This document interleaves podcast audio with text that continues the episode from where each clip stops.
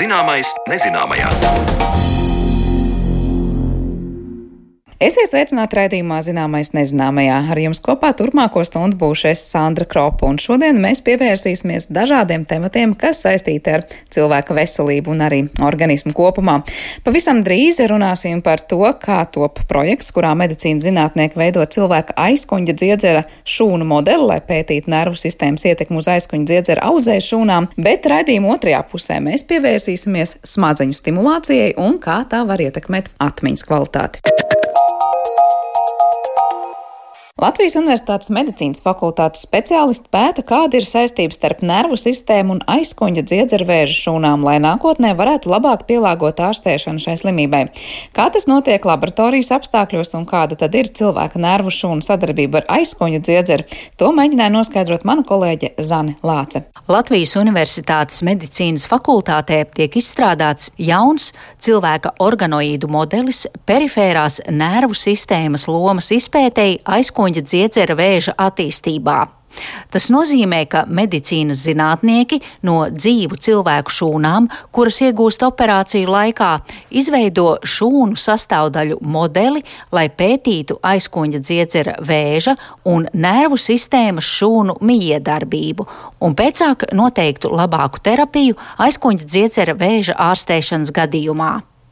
Viens no projektā iesaistītajiem speciālistiem ir Latvijas Universitātes medicīnas fakultātes vadošais pētnieks Vadims Parfējevs, kurš teica, ka sabiedrībā pieaug nepieciešamība pēc efektīvām terapijām aizkuņa dziedzera disfunkcijas un vēža ārstēšanai, un projekta ietvaros tiks izveidots jauns modelis aizkuņa dziedzera slimību un vēža izpētēji. Pirms mēģinām izprast šo procesu, attālināti ierakstītā sarunā Vadims Parfējevs skaidro, kāda tad ir sadarbība starp aizkoņa dziedzeri un perifēro, tas ir to nervu sistēmu, kas atrodas ārpus galvas un muguras smadzenēm. Pirmkārt, mēs runājam par perifēro nervu sistēmu. Tas, kas nav smadzenes un nav muguras smadzenes, bet tie nervi, kas attiek no muguras smadzenēm, iestiepjas perifēros audos, tad atnes atpakaļ tos signālus Un līdzīgi kā visi orgāni mums ir labi apziņoti, ja, tad viņi arī ir ļoti labi innervēti. Par to bieži vien tiek piemirsts. Aizsmeļamies dzirdzeris nav nekāds izņēmums. Viņš ir ļoti labi innervēts. Un gan normālos, gan slimības apstākļos ir novērots dialogs starp šiem nervu sistēmu komponentiem un aizsmeļamies dzirdzeru dažādām šūnām. Skaidrojums. Inervācija tas nozīmē, ka orgāni un audi ir apgādāti ar nervu šķiedrām, kas savukārt nodrošina saistījumu ar centrālo nervu sistēmu. Tātad orgānu sasaiste ar nervu sistēmu. Un īstenībā no, no pašiem pirmsākumiem, kad orgāns attīstās, vēl embriju attīstības laikā inervācija ir svarīga, lai izveidotos pareiza audu arhitektūra aizsmeļamies dziedzerī un notiktu adekvāta to funkcionālo šūnu nobriešana. Adekvāti nobriedušās šūnas tas ir tas, kas mums veido insulīnu, citus dažādus hormonus, gremošanas enzīmus. Un interesanti, ka šī, šī miedarbība paliek arī pieaugušajā cilvēkā tās beta šūnas, kas mums veido insulīnu, viņas nav izkaisītas par visu aizsmeļamies dziedzeri. Viņas atrodas tādos nelielos rajonos, kas sauc par Langarhansa saliņām, tādas šūnu sakopojumi. Un tad ap šiem sakopojumiem ir novērota tāda stipra inervācija diezgan. Un tur arī ir tāda tā kā kapsula, ko veido švānu šūnas. Švānu šūnas ir otras svarīgākās šūnas perifērajā nervu sistēmā bez neironiem. Viņas atrodas apkārt neironiem, veido tādu apvalku ap nervu izaugumiem un palīdz tam signālam ceļot. Tā kā ir ļoti daudz dažādu saskarsmes punktu gan normālajiem audiem, gan arī īstenībā slimības gadījumā. Aizsmeļamies dziedzera vēža gadījumā ir novērots tāds īpatnējs fenomens, ko sauc par perineirālo invāziju. Tas ir, kad vēža šūnas pirmkārt piesaista nervu galvas iekšā audzē, un otrkārt viņas invadē, migrē iekšā nervos un saka ceļot pa to nervu. Kāpēc tas tā notiek, līdz šim nav līdz galam izskaidrots. Iespējams, ka tas ir viens no metastazēšanas veidiem, kā šūnas migrē, bet varbūt arī kaut kādi citi iemesli, varbūt lai sākumā tās sāpes, sāpju sajūtu noslēptu, lai tās sāpes parādītos vēlāk, tad vēzis attīstās un līdz ar to viņš tas vēzis ir diezgan nepamanāms pašā sākumā. Bet beigās, gan, jo vairāk tā inervācija ir, jo ar smagāku slimības gaitu tas ir saistīts. Un aizsmeļas iedzera vēzis ir īpatnējs ar to, ka gandrīz 100% gadījumos šī perineirāla invāzija ir novērota. Vadim, vai es jūs pareizi sapratu? Tātad e, traucējumi nervu sistēmām tie rada labvēlīgo augsni kuņģa vēzim? Ir grūti teikt, jo vienmēr parādās jautājums, kas ir primāri vai tas ir vēzis, kas izraisa šādas pārmaiņas perifērajā nervu sistēmā, ja tieši otrādi - vēža šūnas vai perifērā nervu sistēma pati par sevi un tas bojājums var izraisīt kaut kādu vēža attīstību. Ja, ja mēs runājam par centrālo nervu sistēmu, tur varbūt ir vairāk šī ķēdīte skaidra, ka centrāla nervu sistēma izveido sākumā stresu, tad tas ilgstošs stress noved pie iekaisuma, un iekaisums savukārt var veidot vēzi. Tad perifērās nervu sistēmas gadījumā tas nav tik, tik skaidrs. Tik tālu skaidrs, bet vai jūs varat pastāstīt, ko tieši jūs pētīsiet eh, laboratorijā? Pirmkārt, mēs mēģināsim to modelēt. Ja, tajā sistēmā, kā sauc par organoīdu, kopā audzēt šīs šūnas, un tad mēģināt tad saprast, kas tad veido to dialogu. Un vai ir vērts vairāk kā, neļaut šīm šūnām, vēža šūnām ieiet iekšā neironos. Bet arī no otras puses nevajadzētu ļaut vēža šūnām iesaistīt tos neironus klāt. Ir iespējams, ka mērķi ir identificējami gan uz periferās nervu sistēmas šūnām, gan arī uz vēža šūnām. Kā jau dzirdējāt, tika pieminēts termins organoīdu modelis, ko zinātnieki rada laboratorijā. Par to, kas ir šie organoīdu modeļi un kā tos var pielietot slimību pētījumos un labāku ārstēšanas līdzekļu piemeklēšanā, stāsta otra projektā iesaistītā zinātniece, Latvijas Universitātes medicīnas fakultātes profesore un farmācijas studiju programmu direktore Una Riekstiņa. Tātad organoīds, cilvēka organoīds ir šūnu sakopojums, kas atgādina orgānu miniatūrā un ļauj pētīt orgāna darbību un slimības cēloņus laboratorijā, ko arī apzīmē saka, ex vivo, tātad ārpus organisma, Petrī platītē. Tas nozīmē, ka laboratorijā var izveidot šādas miniatūras orgānu sistēmas, organoīdus, kas pilnībā atkārto to, kas notiek cilvēka ķermenī un dod tādu pareizu priekšstatu arī, kā mēs to varam ietekmēt. Jo modeļus jau ļoti plaši izmanto zinātnē. Mums ir dažādi šūnu līniju modeļi, mums ir dzīvnieku modeļi. Un eh, tie neviens neparāda to orgānu darbību tajā kompleksā miedarbībā, kā tas notiek cilvēka organismā. Un, piemēram, dzīvnieku modeļi nevienmēr der arī cilvēka slimību vai orgānu attīstības pētījumiem. Tāpēc šis ir tāds jauns solis uz priekšu metodoloģijā, kā mēs varam pētīt cilvēku orgānu darbību laboratorijā. Tātad ar organoīdiem mēs ienesam šo iespēju paskatīties orgānu darbībā Petrī platītē. Un šādi organoīdi jau ir izveidoti no vairākiem orgāniem. Ir zarnu trakta organoīdi, piemēram, plaušu epitēlija organoīdi. Un ļoti interesanti šos plaušu epitēlija organoīdus, piemēram, var izmantot dažādu vīrusu inficēšanās spējas noteikšanai, tā skaitā arī šim Covid-19. Tātad organoīdi mums paver ļoti plašu izpētes lauku. Tas ir samērā jauns virziens zinātnē un ļoti interesants. Una vai Vadim, kurš no jums var pastāstīt, kur jūs iegūstat, ja es pareizi sapratu, dzīvu cilvēku šūnas? Tas ir šūnas, ko mēs iegūstam no pēcoperāciju materiāla. Ja? Tad pēc aizsmeļas dziedzaram vēža eksīzijas mēs iegūstam kaut kādu nelielu audu fragment, no kuriem tad no dzīvajām šūnām, protams, mēģinām izveidot šīs struktūras. Projekts ir tikko sācies, mēs esam sākuši saņemt pirmos paraugus, un tagad apstrādājam viņus un mēģinam audzēt. Tas notiek sadarbībā ar ārstiem slimnīcā. Tā tad ir vienošanās šajā projekta ietveros. Tāpat arī tiek pieteikts šī projekta ētikas atļauju un arī pacientu piekrišanu par audu pielietojumu pētījumos. Un es arī vēlējos pateikties visiem pacientiem, kas dod šādu piekrišanu, jo tas tiešām ļauj mums ar to strādāt un meklēt risinājumus nākotnē. Un to varētu sasaistīt varbūt arī ar šobrīd ļoti aktuālo biobanku jautājumu, kā mēs varētu šādus organoīdus slimībām izveidot un glabāt viņus, un arī citiem pētniekiem tie būtu pieejami. Ziņā par šo projektu ir teikts tā, ka pētījumā gūtos rezultātus varēs izmantot individualizētai medicīnai un kalpot par platformu zāļu pārbaudēji.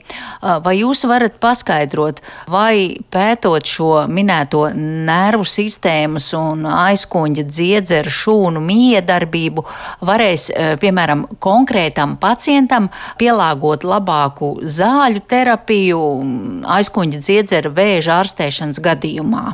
Pirmkārt, lai saprastu vairāk par to dialogu starp šīm šūnām, kā jau mēs minējām, un otrkārt, tas savukārt var novest pie kaut kādiem reāliem proteīniem, pie proteīna reāla identifikācijas, kas tad iesaistās šajā miedarbībā. Un tur jau vai nu jau eksistējošās zāles, kas ir attiecībā uz perifēro nervu sistēmu jau daudz klasisko medikamentu, kas ļauj mums kaut kā to signālu, kas iet caur šo proteīnu, vai nu bloķēt, vai nu tieši otrādi pastiprināt. Un tad to pašu organismu mēs varam izmantot, lai pēc tam pārbaudītu šo zaļu darbību. Vai nu bloķējot šo konkrēto miedarbības ķedītes fragmentu, vai tieši otrādi pastiprināt to signālu pat ar to proteīnu. Nu, es esmu ļoti priecīga, ka ir šāds projekts, tik unikāls Latvijā Un arī tātad ir novērtēts Vadimā pētnieka talants, jo Vadims ir stažējies Šveicē piecus gadus un tagad atgriezies Latvijā. Tātad caur šiem projektiem mēs piesaistām talantīgus zinātniekus un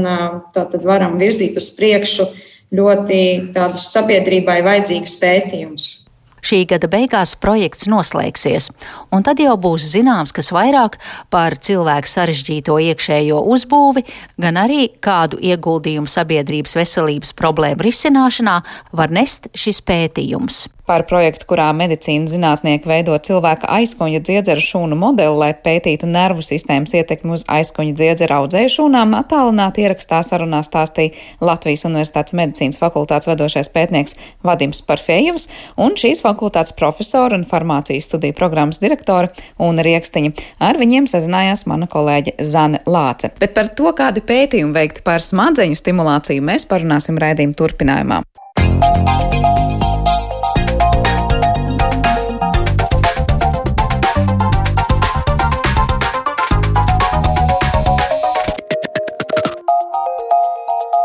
Zināmais nezināmajā. Kur es tikko noliku savu telefonu un kāpēc es to pēkšņi neatceros? Cilvēka atmiņa ar vienu slēpj daudz nezināmā, un šodien mēs parunāsim par to, vai un kā mēs atmiņu varam trenēt un kā šim nolūkam palīdz cilvēku smadzeņu stimulācija, izmantojot īpašas tehnoloģijas.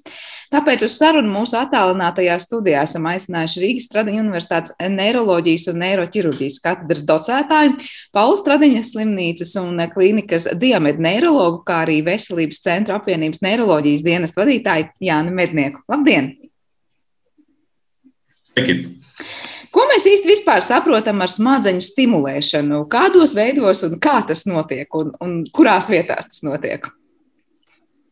Tātad, protams, lai mēs vispār saprotam, kas ir smadzeņu stimulācija, tas jāsaprot to, ka smadzenes pēc būtības ir tātad, viens no svarīgākajiem orgāniem galvas smadzenēs, bet kas ir ļoti būtiski, protams, šī darbība noris ar dažādu neirotransmitēru, jeb signālu molekulu palīdzību. Tātad, tad no vienas šūnas, no vienas nervu šūnas uz otru šādā veidā var tikt nodot signāls, bet jāsaprot arī, teiksim, ka vienas šūnas ietvaros īstenībā Un kopumā, ja mēs skatāmies smadzenēs, tad uh, ir daudz dažādu elektriskās stāvas pārvades procesu. Un, uh, līdz ar to Ja mēs saprotam to, ka būtībā galvas smadzeņu darbība var pielīdzināt tādai tā kā, nu, virknei vai, vai tīklam, kurā tiek pārvadīta strāva teiksim, no vienas zonas uz otru, tad nākamais jautājums ir tāds, ka vai papildus medikamentozajai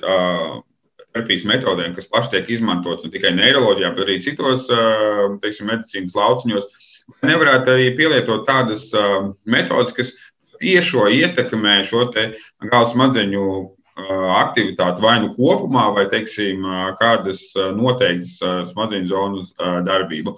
Lūk, un tādas metodes ir. atklātas, un viņu, ar viņu palīdzību var gan šo aktivitāti ļoti vienkāršot runājot, nu, vājināt, tātad, mazināt, un arī, arī tieši otrādi aktivē, aktivēt.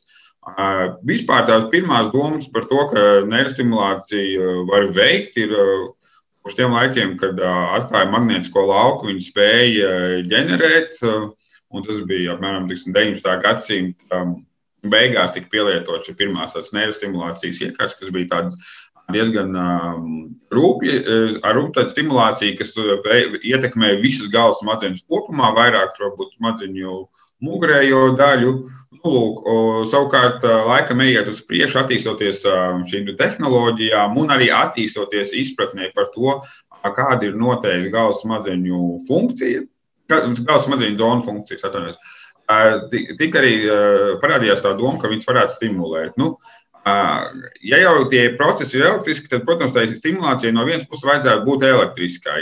Un, un tur šeit, Pastāv vairāki veidi, kā mēs viņus varam elektriski stimulēt. Tad viens ir, protams, ja mēs tieši gribētu kādu zonu stimulēt, kas ir dziļumā galvas smadzenēm, vai arī mēs gribētu ļoti precīzi noteikt to zonu, kurā mēs stimulējam, tad mums vajadzētu veikt invazīvu stimulāciju, tātad implantēt kādus elektrodus galvas smadzenēs tieši iekšā, un tad tādā veidā nodrošināt stimulāciju.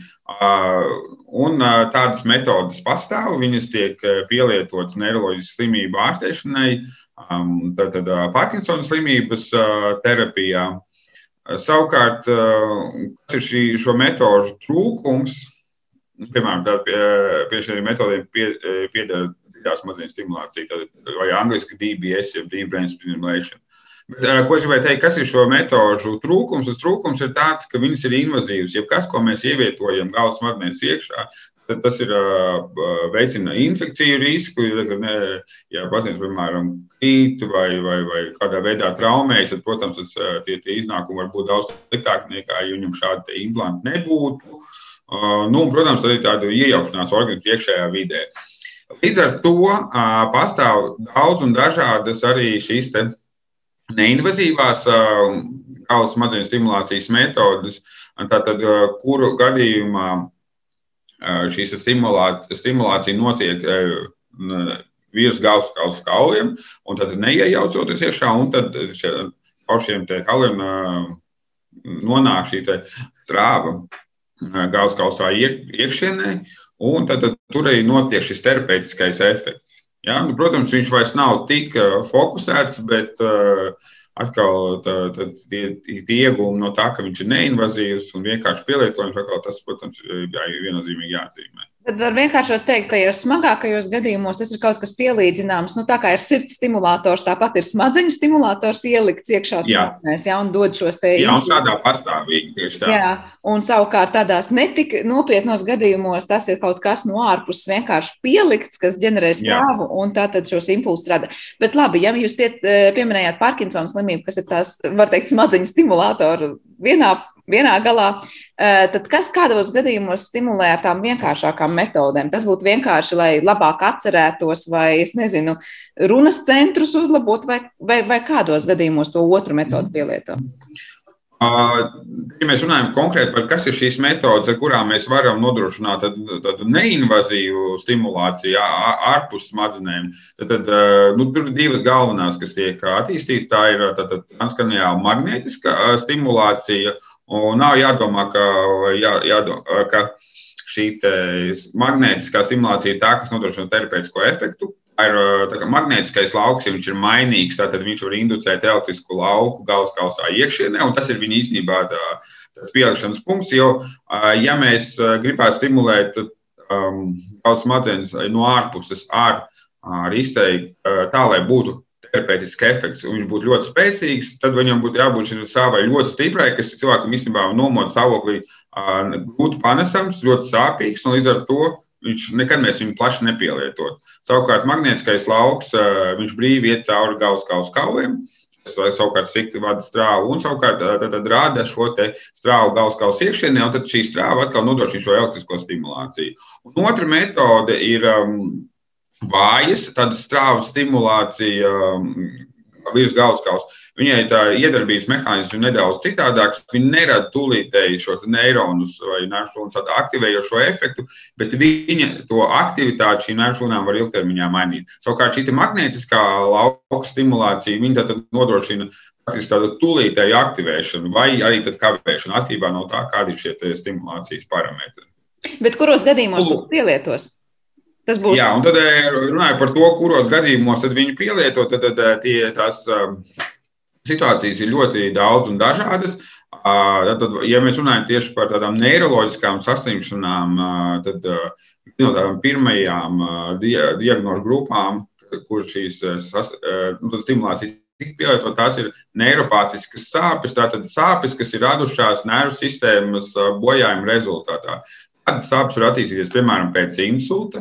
Ir noteikti e, smadzeņu reģioni, skarti, kas atbild par e, sāpju uztveri. Tāds var būt, piemēram, pie trīsdara nervu neiroloģijas, kas nepadodas ārstēšanai ar medikamentiem un tā tālāk. Taču īsnībā tā lietošanas e, lauciņi tiek arvien paplašināti un pašlaik, piemēram, ir ļoti daudz pētījumu, ka Šāda stimulācija varētu palīdzēt eh, insultu kustību traucējumu mazināšanai. Un savā veidā arī runas eh, uzlabošanai jāņem vērā to, ka, protams, jo specifiskāk ir šī neiroloģiskā funkcija, ko mēs gribam atjaunot, jo grūtāk ir panākt to pozitīvo rezultātu. Un jāņem arī vērā to, ka tiklīdz mēs mēģinām eh, pielietot, piemēram, insulta rehabilitācijā, kādu noteiktu funkciju atjaunošanai, eh, diez vai eh, šī metode strādās pati par sevi, tad transkraniāla magnētiskā stimulācija, diez vai viņa strādās pati par sevi. Visticamāk, viņi ir jākombinē ar tām rehabilitācijas metodēm, ko, kas ir jau standartā, teiksim, fizioterapija, logopēda nodarbības tālāk. Jā, tā tad diezgan komplekss risinājums. Tas, kas nesen, es saprotu, ir veikts, nu, vismaz ir publikācija, kas stāsta par to, kā ar noteikti šo smadzeņu stimulēšanas metodi eh, veseliem, pieaugušiem cilvēkiem. Tātad, nu, veikta šī stimulācija, lai labāk atcerētos. Un tad skatījās, kā un kādās detaļās viņi spēja atstāstīt tādus video klipu fragmentus, kas ir par tādām mūsu ikdienas rīcībām un darbībām. Kā ir vērtējumi vispār šādas tehnoloģijas pielietošana? Nevis tad, kad jau mēs runājam par konkrētiem cilvēkiem, kuriem ir kustība vai runas vai kādi citi kognitīvi traucējumi, bet kuri saka, es gribu labāk atcerēties, es gribu sīkāk detaļas spēt atcerēties, un tad nu, stimulēšu konkrēti smadzeņu reģionus. Ir iespējams, nav iespējams, ir vēlams vai nav vēlams kas tāds. Protams, ja mēs pielietojam kaut kādas uh, tehnoloģijas, un uh, ja viņas ir neinvazīvas, un mēs tieši neiejaucamies organismu iekšējā vidē, manuprāt, vienmēr jāatcerās, ka um, kādi ilgtermiņa efekti, protams, var būt. Un tas ir, tas ir būtiski. To vienmēr vajag paturēt prātā. Tiksim, nu, tādi, kuriem mēs nezinām, jo kopumā šīs neirostimulācijas metodes ir drošas. Ja vien mēs eh, zinām, ka pacientam nav epilepsija, jo tādā gadījumā mēs varam izraisīt epileptiskas slēgums vai nav kādi svešķermeņi, teiksim, metāls priekšmetu gals mazliet, tas arī nav, nebūtu lietots. Eh, tas attiecas uz īstermiņu kaut kādām blakus parādībām. Ja mēs skatāmies uz ilgtermiņu, tad uh, pašlaik pētījumi neuzrāda, ka tādi būtu, bet uh, vienmēr, protams, pievietojot kādas tehnoloģijas, par to ir jādomā. Uh, no otras puses, ir būtiski, manuprāt, um, šādus pētījumus veikt un, un, un skatīties pirmkārt, kā var šīs kognitīvās funkcijas um, ietekmēt uh, gan veseliem cilvēkiem, uh, gan uh, pacientiem ar neiroloģiskām saslimšanām, piemēram, tiem, kuriem ir atmiņas traucējumi. Jo, um, lai arī mēs gribētu domāt, ka ja mēs stimulējam vienu to pašu um, galvas smadzeņu apvidu, uh, cilvēkam, kuram jau ir kognitīvi traucējumi, vai cilvēkam, kuram ir nosacīta normāla šī funkcija, tas rezultāts nevienmēr būs vienāds. Līdz ar to mums būtu jāsaprot, vai, vai tā metode, tā tehnoloģija mums der vienā vai otrā gadījumā. Nu, lūk, un, kopumā, protams, ja mēs stimulējam veselus individus, tad tas uh, mums arī var palīdzēt ne tikai uzlabot to funkciju, uh, kognitīvo, jo tas jau nav tas primārais jautājums. Tā jau viņi īstenībā kopumā diezgan labi uh, spēj funkcionēt, jo ja citādi pretējā gadījumā viņam būtu kāda jau diagnosticēti kādi traucējumi. Bet mums vajadzētu, tas mums ļauj arī saprast īstenībā, kādā, kādā veidā šī te, kognitīvā funkcija, kā viņa smadzenes veids, teiksim, kuras galvas smadzeņu daļas vēl tiek iesaistīts paralēli, jo nav tā, ka funkcionē un strādā tikai viens centrs noteikts funkcijas veikšanai. Ja? Īsnībā, ja mēs skatāmies tādām sarežģītākām kognitīvām funkcijām, dažādām domāšanas sfērām, vairumā gadījumu ir iesaistīts smadzeņu tīkls. Un šī tīkla pētīšanai arī viennozīmīgi būtiski, tiek veikta šāda pētījuma. Es tieši iedomājos, kā tas notiek. Nu, piemēram, ja mēs runājam par atmiņas konkrēti stimulēšanu, ja ir atmiņas traucējumi, piemēram, Vai vispār tā stimulēšanas metode ļauj to lauku radīt tikai uz konkrēto smadzeņu reģionu, vai tur jebkurā gadījumā tiek ietekmēti arī citi reģioni, kurus mēs pat nezinām, kā tie tiek ietekmēti? Ir iespējams tā ļoti. Nu, ja mēs runājam par to, tām zonām, kas atbild par atmiņu, tad ir tāda struktūra kas ir neirozinātniekiem, neirologiem, visvairāk plašāk zinām, kā saistīta ar atmiņu. Tā ir tad, tad šīs hipokampus, jeb latviskojot jūras zirdziņš, tad deniņu daivā esoša struktūra, kas ir diezgan dziļi atrodas. Nu, lūk, viņu tādu patiešo stimulēt ir ļoti, ļoti grūti ar šīm virspusējām stimulācijas metodēm. Savukārt, mēs zinām to, ka viņi iesaistās dažādos tīklos, kas nodrošina atmiņu, un mēs runājam atmiņu tādā plašākā iedzienā gan par vizuālo, audiālo atmiņu, iztermiņa atmiņu. Līdz ar to līdz šīs te, šī te hipokampus, šī struktūra tiek iesaistīta dažādos tīklos, mēs varam stimulēt tās zonas, kur šie tīkli atrodas, atrodas virspusēji. Un tādā veidā cerēt to, ka mēs varēsim um, ietekmēt arī šīs dziļākās smadzeņu struktūras. Tas ir viens no variantiem. Un uh, nevis tāpēc, ka es gribētu katru reizi tieši šo dziļā, tās dziļās daļas uh, ietekmēt, bet tieši šīs virspusējās, kas ir šajos noteiktajos uh, smadzeņu tīklos iesaistītas. Es jau lasot par to pētījumu, domāju, ja tur tiešām cilvēki pēc tās stimulācijas atcerās pilnīgi perfekti, kādā krāsā tur kuram cilvēkam bija apģērbs vai kādā krāsā bija bļodiņa, kurā ievēra, iebēra tur kukurūzas pārsas un tā tālāk. Vai nav tā, ka tas ir mazliet pretrunā ar to, kā mūsu smadzenes darbojas? Ka, man liekas, mūsu smadzenes taču daudz ko izmet kā nevajadzīgu informāciju ārā, un mums nav pārāk daudz jāatcerās visas detaļas. Protams, vai tādā veidā stimulējot, nav tā, ka nu, mēs pārslogojam smadzenes ar informāciju, ko dabiskā veidā nevelti mēs neatcerētos, ja mums nav būtiski zināt, kādā krāsā bija bļodiņa vai kurā plauktā tā atradās.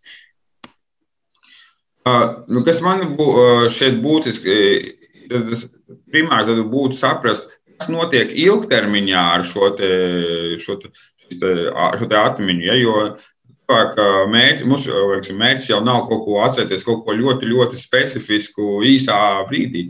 Un tas ir tas būtiskais jautājums, ir tas, kā mēs varam to izmainīt ilgtermiņā un paskatīties, kas notiek pēc kaut kāda laika. Jo tas arī tas jautājums ir. Ja mēs veicam stimulāciju un paralēli notiek kāds kognitīvais process, tas ir viens. Bet, ja teiksim, mēs veicam stimulāciju un notiek šis kognitīvais process, bet nevis šo kognitīvo funkciju pēc tam novērtējam pēc kaut kāda laika, tad ir pilnīgi kaut kas cits. Tas arī ir tā, tā, tāda būtiskā informācija. Ko tad teiksim, šī te neirostimulācija, kā tad viņi var smadzeņu funkciju ietekmēt ilgtermiņā? Un tas ir, un, vai arī Daudz, daudz dažādas parametrus var pētīt. Es domāju, tas, tas ir ļoti, ļoti būtiski nozīmīgi. Un, tāpēc es negribētu arī uzreiz domāt, ka, ja mēs stimulējam un turpat tajā pašā brīdī iegūstam kādus rezultātus, ka tas noteikti pāries teiksim, uz ilgtermiņu teiksim, no, nu, efektu. Es vairāk par to arī kā cilvēku vienkārši vēlmi, nu, tikpat labi arī skatoties, kaut kā cilvēki reaģē uz tādām ziņām, ka, ah, lūk, notika smadzeņu stimulēšana, varbūt labāk atcerās detaļas. Nu, tad es sapņoju par to, kā reizes, nezinu, ar kādu tehnoloģiju palīdzību varbūt uztrenēšu smadzenes tā, ka atliks tikai paskatīties uz grāmatu un kā foto attēls manā galvā uzreiz atcerēšos visu, visu, kas tajā bija rakstīts. Protams, vai nav tā, ka tā ir tā tāda no vienas puses cilvēku vēlme dzīties pēc tā, atcerēties pēc iespējas vairāk, pēc iespējas labāk, Bet dažkārt es domāju, ko mūsu smadzenes darītu ar tik lielu informācijas apjomu, ja mēs spētu tagad atcerēties ļoti daudz nebūtiskas informācijas, un vai nav tā, ka tas patiesībā nu, varētu tādā tautas valodā teikt, radīt tādu smadzeņu pārkaršanu? Jā.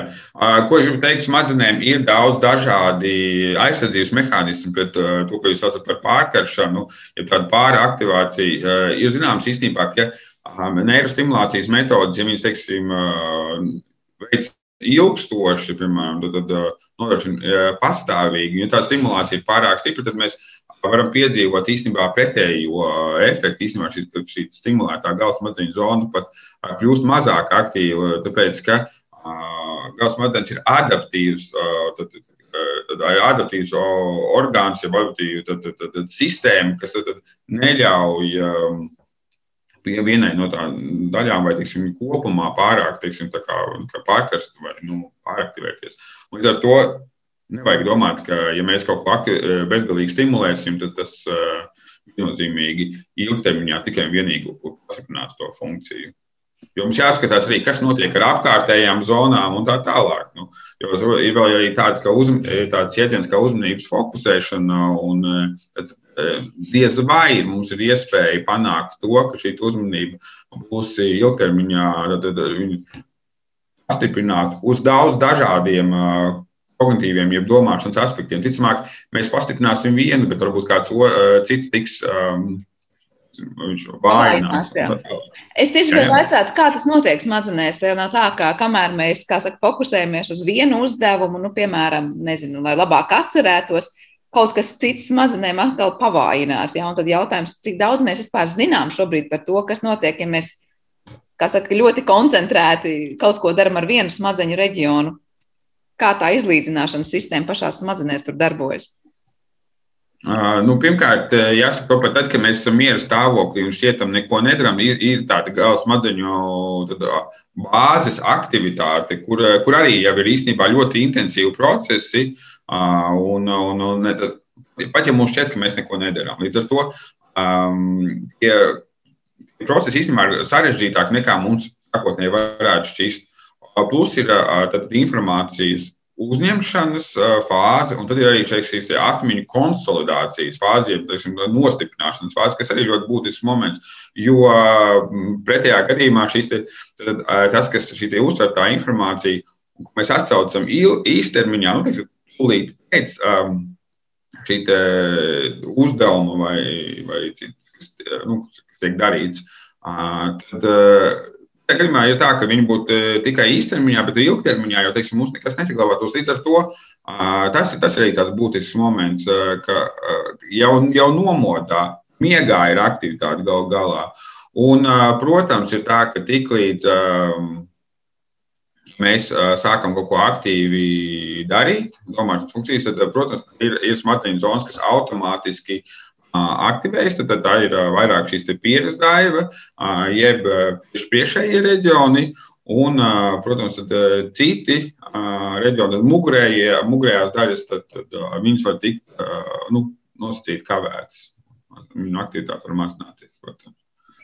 Jūs vispār skatāties, nu, kādā virzienā attīstīsies visas šīs gan vēlmes, gan tehnoloģijas, kā stimulēt smadzenes, vai tas ir kaut kas, kur tiešām mēs iesim uz to, ka veseliem cilvēkiem vienkārši gribēsies uzlabot savas kādas kognitīvās funkcijas, un tad mēs meklēsim tehnoloģijas, kā to var izdarīt, vai tas tomēr paliks kā kā rīks, lai, lai palīdzētu cilvēkiem, kuriem ir kaut kāda trauma vai saslimšana, un kur vajag tiešām nu, vienkārši atjaunot kaut kā šīs funkcijas, ja tās ir pietiekoši traumētas un traucētas.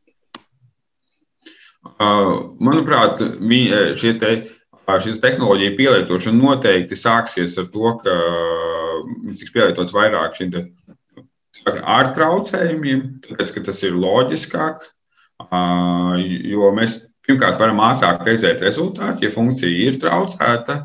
Otrkārt, no tāda zinātniskā viedokļa, no zinātniskās ētikas viedokļa, tas ir vieglāk pamatojums. O, savukārt, uh, ja mēs skatāmies tālāk uz priekšu, tad um, uh, tāds jautājums, kurā brīdī cilvēkam ir normāla kognitīvā funkcija un kurā brīdī viņa ir izmainīta. Ja mēs runājam piemēram par Alzheimer slimniekiem, uh, tad šo saslimšanu kopumā, tad īstenībā zinātniskā doma ir tāda, ka jau 10 un 15 gadus iepriekš, pirms sākās um, kaut kādi būtiski uh, atmiņas traucējumi, jau ir funkcionāls galvas smadzeņu aktivitātes izmaiņas. Līdz ar to arī jaunākajos pētījumos visas šīs terapeitiskās metodas, un arī par medikamentozām, tiek mēģināts pielietot šajā ļoti agrīnajā stadijā, vai pat stadijā, kur ne tuvu nav nekāda simptoma. Un tad, ja mēs skatāmies par neirostimulācijas metodēm, tad var būt, ka viņas īstenībā ir tāds labs profilaktisks rīks ar laiku, ja, mēs zinām, kur un kā viņas pielietot. Tas ir tās, Pēc, terapija, es domāju, ka, viņas, ka tas ienāks. Jā. Jo, ir sevišķi, ja mēs zinām, ka viņi strādā uh, kopā ar tādu kognitīvo treniņu. Tas nozīmē, to, ka mēs uh, stimulējam to zonu, um, kas atbild par to kādu noteiktu uh, kognitīvo uzdevumu, ko mēs tajā brīdī veicam. Tā kā varētu teikt, ka cilvēkiem tajā brīdī, kad viņi satraucās, neatceros, kur tieši nolikt mašīnu vai, vai kur, kur ir palikušas atslēgas manā somiņā vai mājās, ka tā ir tāda nu, nopietna atmiņas traucējuma pazīme. Tas ir vienkārši stāsts par uzmanību un nogurumu. Un tas ir vairāk par uzmanību. Jā, tas ir, tas ir tas gan šīs nespēja atcerēties tās lietas, tāpēc, ka ir trauksme. Tas ir par uzmanību, ja, jo mēs zinām, ka atmiņas teiksim, veidošanai ir trīs sastāvdaļas. Tātad, informācijas uztvēršana, informācijas iekodēšana un informācijas atsaukšana no atmiņas. Nu, tad, ja kāda no šīm te, m, daļām, teiksim, fāzēm iztrūks, tad kopumā cilvēks nevar atsaukt no atmiņas. Tad, nu, šajā gadījumā loģiski, viņa uzmanība nav vērsta uz to, to informāciju, kas tiek virzīta virzienā, nu, tad, protams, mēs nevaram ne iekodēt, pēc tam ne atsaukt. Nu, bet, un, ar to jāsaprot, to, ka dažkārt šī trauksme un, un koncentrēšanās grūtības pašas par sevi nenozīmē, ka ir šo struktūru bojājums, kas atbild par akmeņu uzglabāšanu un nostiprināšanu. Jā, tiešām būtiski atcerēties šos trīs piesauktos posmus, jā, un ka tā ir tiešām ļoti svarīga un diezgan liels process, kas visu laiku smadzenēs notiek, kaut arī ja mēs paskatāmies uz atslēgu vai novietot automašīnu. Bet atgriežoties nedaudz, ja noslēdzot sarunu pie tā pētījuma, kas notika, tad šajā brīdī stimulējot šo veselo cilvēku smadzenes un rādot viņiem šos video klipus, tika stimulētas visas trīs šīs fāzes, tātad, lai viņi gan uztvertu informāciju, gan iekodētu, gan atsauktu labāk, vai tas ir kaut kāda iedarbība uz konkrētu vienu no šiem posmiem?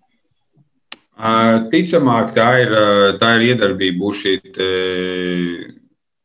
informācijas iekodēšanu. Tad visvairāk tad, nu, atsaukšana, nē, jo atsaukšana pēc tam notiek teikt, post factum, un, un ticamāk, vairāk tas ir šīs informācijas iekodēšana. Noslēdzot mūsu sarunu, vai varam teikt, ka jebkura arī smadzeņu trenēšana, domāšana, es nezinu, pamainīt maršrutu, kādā dodamies mājās, lai nav tā vienkārši automatizētā darbība, ir tāds savu veidu treniņš vai, vai stimuls smadzenēm pašām dabiski sevi stimulēt, labāk atcerēties, labāk atsaukt, labāk iekodēt informāciju. Jā, tad, tas, ko mēs zinām, ir tā, ka jebkura sensorā vai maņu informācijas plūsma maņām, ja viņa mainās, tas ir ļoti pozitīvi vērtīgi priekš galvas mazinēm. Līdz ar to tiešām braukšanas maršrutu izmaiņas tas ir izcili, jo vēl ir tā lieta, ka mēs īstenībā dažkārt veicot, atkārtot viens tos pašus maršrutus, īstenībā varam piefiksēt to, ka lielākajā daļā laika mēs pat apzināti nesekojam līdzi, ko mēs darām. Un, ir, ir šis vizuālais, jeb redzes ceļš, kas iet taisno uz smadzeņu stumbru un šīm daudz dažādas automātiskas kustības. Un tikai tad, kad kaut kas jā, parādās jauns un neredzēts, mums tiek aktīvi pieslēgta šī gala smadzeņu garoza. Līdz ar to tas, tas viennozīmīgi ir pozitīvi. Un arī, ja mēs skatāmies par to, kas šobrīd vis, vis, visvairāk var ietekmēt un uzlabot domāšanas funkcijas, tas tiešām ir aktīvs smadzeņu izmantošana, kognitīvais treniņš. Un jautājums, vai tas ir kombinācijā ar medikamentiem, kas jau pašlaik tiek, ir zinām, kas ir, vai arī tas ir kombinācijā ar daudz dažādām eh, neirostimulācijas metodēm, kas ticamāk eh, ieviesas un būs arvien vairāk pieejamas. Tā kā par to mēs noteikti vēl dzirdēsim arī pat ikdienas dzīvē droši vien izmantosim. Varbūt kādiem līdzīgi kā velotrenažieri šobrīd mūsu muskuļu treniņam. Lielas paldies jums par šo sarunu! Dzirdē, Dzirdējām, tad atgādināšu Rīgas Stradiņu Universitātes neiroloģijas un neiroķirurģijas katedras docētāju, Pauls Stradiņas slimnīcas un klīnikas diametra neirologu, kā arī Veselības centra apvienības neiroloģijas dienas vadītāju Jāni Mednieku mūsu uh, raidījuma otrajā daļā. Ar to arī raidījums ir izskanējis. Paldies par to producentēs Armītē Kolātei un par mūziku šajā stundā parūpējās Girds Bišs. Mēs tiekamies jau atkal rīt. Vislabāk!